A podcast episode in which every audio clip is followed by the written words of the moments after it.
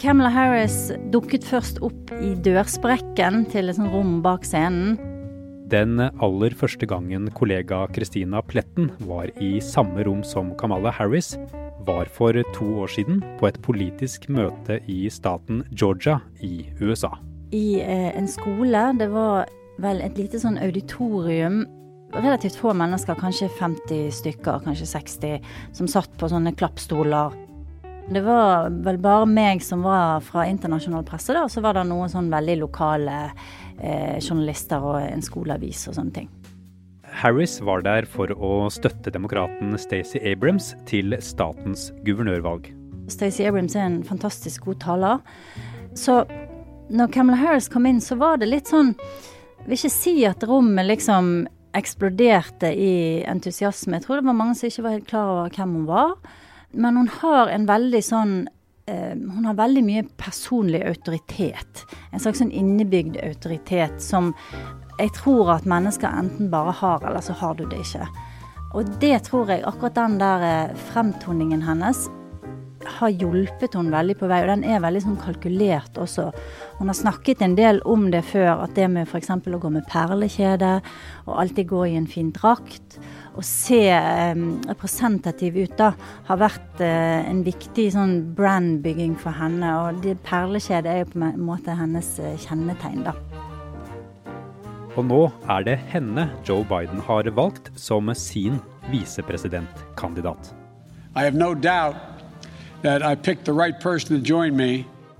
For Kamala Harris er ikke bare en symbolsk svart kvinne.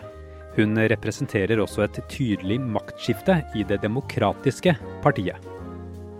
Kamala Harris er en viktig politiker fordi jeg tror at hun representerer demokratenes fremtid. I dag er det fredag 14. august. Jeg heter Andreas Bakke Foss, og du hører på Forklart. This is a moment of real consequence for America.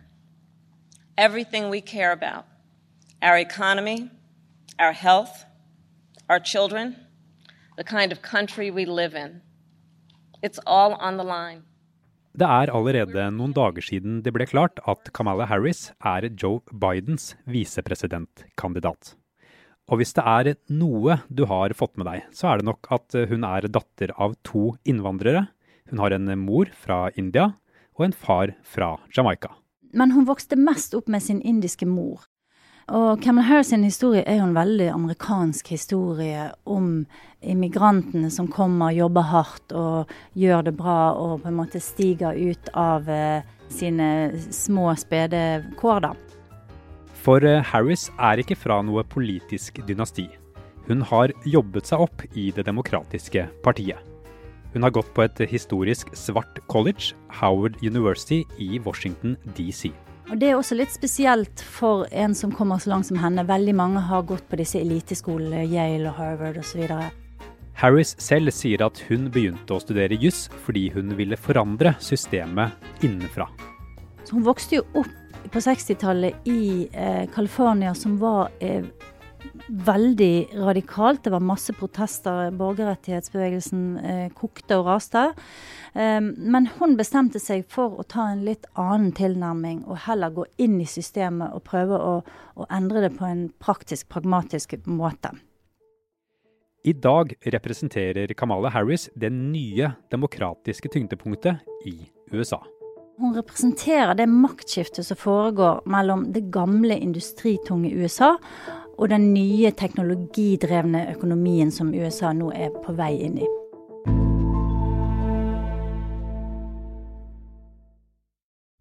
guys, it's Mindy. I'm here in my kitchen.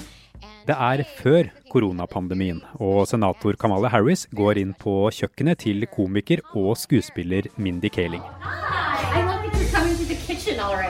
Like you live here. På benken står det store, gjenbrukte glass med krydder i.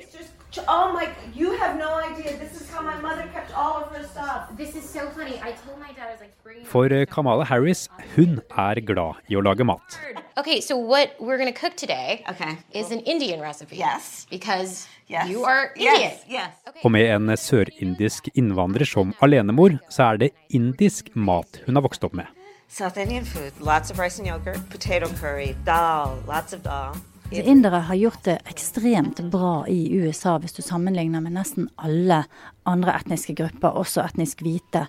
Eh, de har bedre utdannelse, de tjener mer, eh, de har et fantastisk eh, karriereløp. Og så er det jo mange indere i enkelte segmenter av økonomien. F.eks. i Silicon Valley, som jo ligger i nærheten av San Francisco, der Camela Harris er fra. Eh, så er indere veldig dominerende. Både eh, de som kommer fra India for å jobbe i IT-industrien, og også indiske, barn av indiske migranter. Da. Eh, det er også masse indere i, på Wall Street i New York og i finansbransjen. Men eh, det er veldig få i politikken. Og de har hittil hatt eh, veldig lite politisk representasjon. Men hvilken rolle spiller den indiske bakgrunnen for Kamala Harris? Hun har jo da et uh, mulig apparat i ryggen som er uh, veldig pengesterkt. Uh, og vi vet at penger er veldig viktig i amerikansk politikk. Det å kunne samle inn penger og ha et nettverk av både rike donorer og et bredt, en bred sånn base av andre, da. Og så um, har de jo mye makt. De har både definisjonsmakt og de har uh, etter hvert politisk makt. Disse IT-selskapene sånn som Facebook og Twitter har jo direkte politisk makt uh, gjennom å være de største plattformene der uh, dialogen og, og, presentasjonen foregår. Så jeg tror at for henne så er det altså både den, den, den, indiske delen av henne, men også den californiske delen av henne, har eh, et veldig sånn stort potensial på veldig mange felter som kan være veldig nyttig for Joe Biden videre. For eh, Kamala Harris vokste jo opp i San Francisco i California på 60- og 70-tallet. Og da var byen virkelig hippiehovedstaden i USA. Det var flower power, og det var eh, veldig radikalt. Homobevegelsen fikk sitt, sitt utspring der, eller i hvert fall vokste ut av det etter hvert. Men i dag så er den jo heller blitt hovedstaden for uh, IT-bransjen og tech-selskapene. Det er en gründerby. Det er veldig store forskjeller mellom rik og fattig, uh, så det er veldig dyrt. Men samtidig så har de holdt på noe av sin liberale innstilling, i hvert fall når det gjelder sosiale emner, da. Sosiale tema, mens på økonomi så er det nok kanskje vridd litt mer i retning av en sånn eh, gründervennlig, men allikevel klimabevisst profil. Hvordan har denne utviklingen påvirket eh, det politiske miljøet i byen, da? Det politiske miljøet i, i, byen har jo etter hvert fått veldig stor gjennomslagskraft, også i hele delstaten. San Francisco er nå veldig sånn førende for eh, hele California. Eh, mens Los Angeles er egentlig en mye større by, så er det San Francisco det er der pengene ligger, det er der makten ligger. Og Politico skrev jo nylig at San Francisco er i ferd med å bli det nye politiske maktsenteret i eh, USA. Ja, hvor kom de mektige demokratene fra tidligere? Før så hadde man jo Chicago som en slags sånn hovedstad for eh, demokratene. Det var midt i industribeltet. Det var de store fagforeningene, det var de store bedriftene. Altså bilindustrien, stålindustrien. Alt dette her lå i de delstatene rundt Chicago. Det var den største byen i Midtvesten.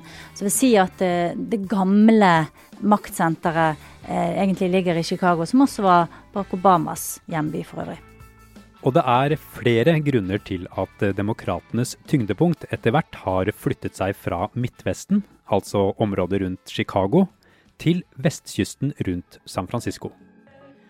Midtvesten har jo ganske lenge vært i en prosess der mange velgere har eh, fjernet seg fra det demokratiske partiet. Eh, en av grunnene til det er at det er mye hvite velgere der, hvite arbeiderklassevelgere, som eh, var opptatt av eh, fagforeningsspørsmål, eh, men som kanskje var mer sosialt konservative og ikke så opptatt av eh, identitetspolitikk. Så du, du, har sett denne bevegelsen lenge, og du ser på en stat som Ohio f.eks., som har vært eh, en vippestat ganske lenge, som nå er ganske sånn solid eh, republikansk og eh, har gått i retning av Trump. Og Trump vant jo mange av disse statene i, i 2016. Det var jo der han vant valget, på en måte.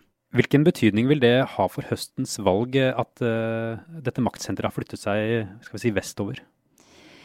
Altså, det er jo sånn at både California, Oregon og Washington, som er de tre delstatene som ligger langs Stillehavskysten, eh, har vært ganske solid demokratiske lenge. Så Camilla Harris og makt, det maktskiftet vil ikke ha noen betydning sånn rent, rent teknisk eh, valgmessig. Men eh, det, pengene ligger der. Pengene til eh, å drive valgkamp er veldig mye i, i vest. En del er også i, i, selvfølgelig på østkysten fortsatt, men jeg tror at det betyr at de også får definisjonsmakt overfor hva, hva slags saker som er viktig, ikke sant. Og um, klima f.eks. har vært en veldig stor eh, politisk sak i California mye lenger enn det har vært i resten av USA. Og jeg tror at de har vært med på å sette det på, på agendaen til demokrater som Joe Biden, som kanskje ikke har hatt det som sin liksom, eh, kjernesak før i tiden. da.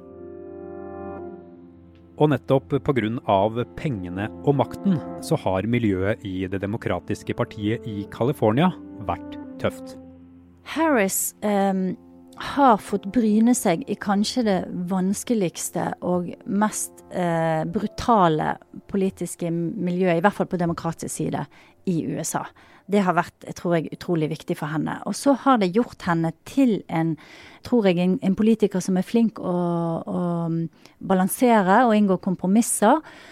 Hun fikk f.eks. veldig stor motstand fra politiorganisasjoner, altså politiets fagforeninger, da hun ville bli eh, attorney general. Og hun har måttet nærme seg de, og hun har måttet inngå noen Hun måtte svelge noen kameler, rett og slett. Og det har jo blitt, eh, blitt eh, kritisert for ganske kraftig fra venstresiden hos demokratene. Men jeg tror inn i hovedvalget nå, så vil det være en veldig styrke. Den her pragmatiske, litt sånn eh, kompromissvillige eh, og veldig tøffe erfaringen som Camelot Harris har fra California.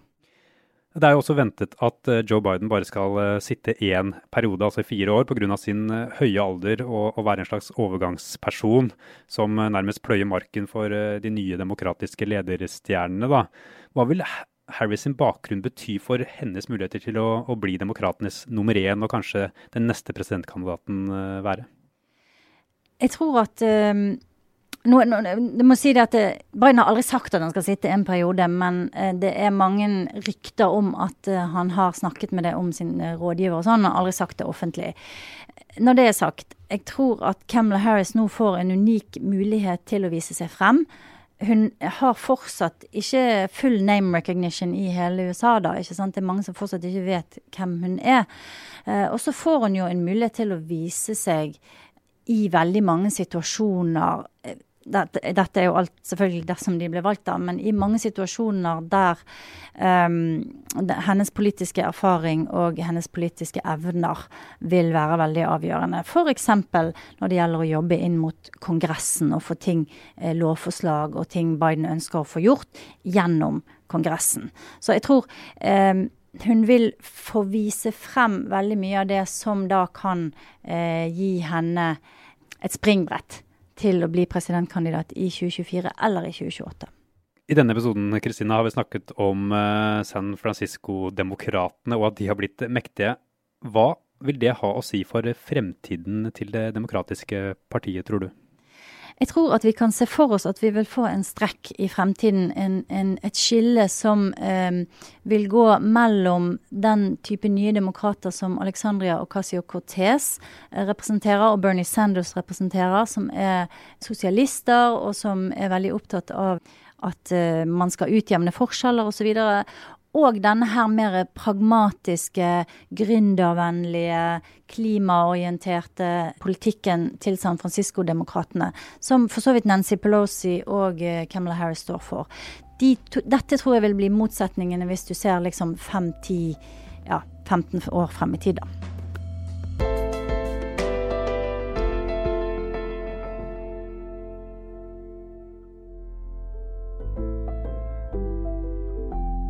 Forklart lages av Caroline Fossland, Anne Lindholm, Fride Næss Nonstad, Marit Eriksdatter Gjelland og meg, Andreas Bakke Foss. I denne episoden har du hørt lyd fra nyhetsbyrået AP og YouTube-kontoene til Kamala Harris og Joe Biden.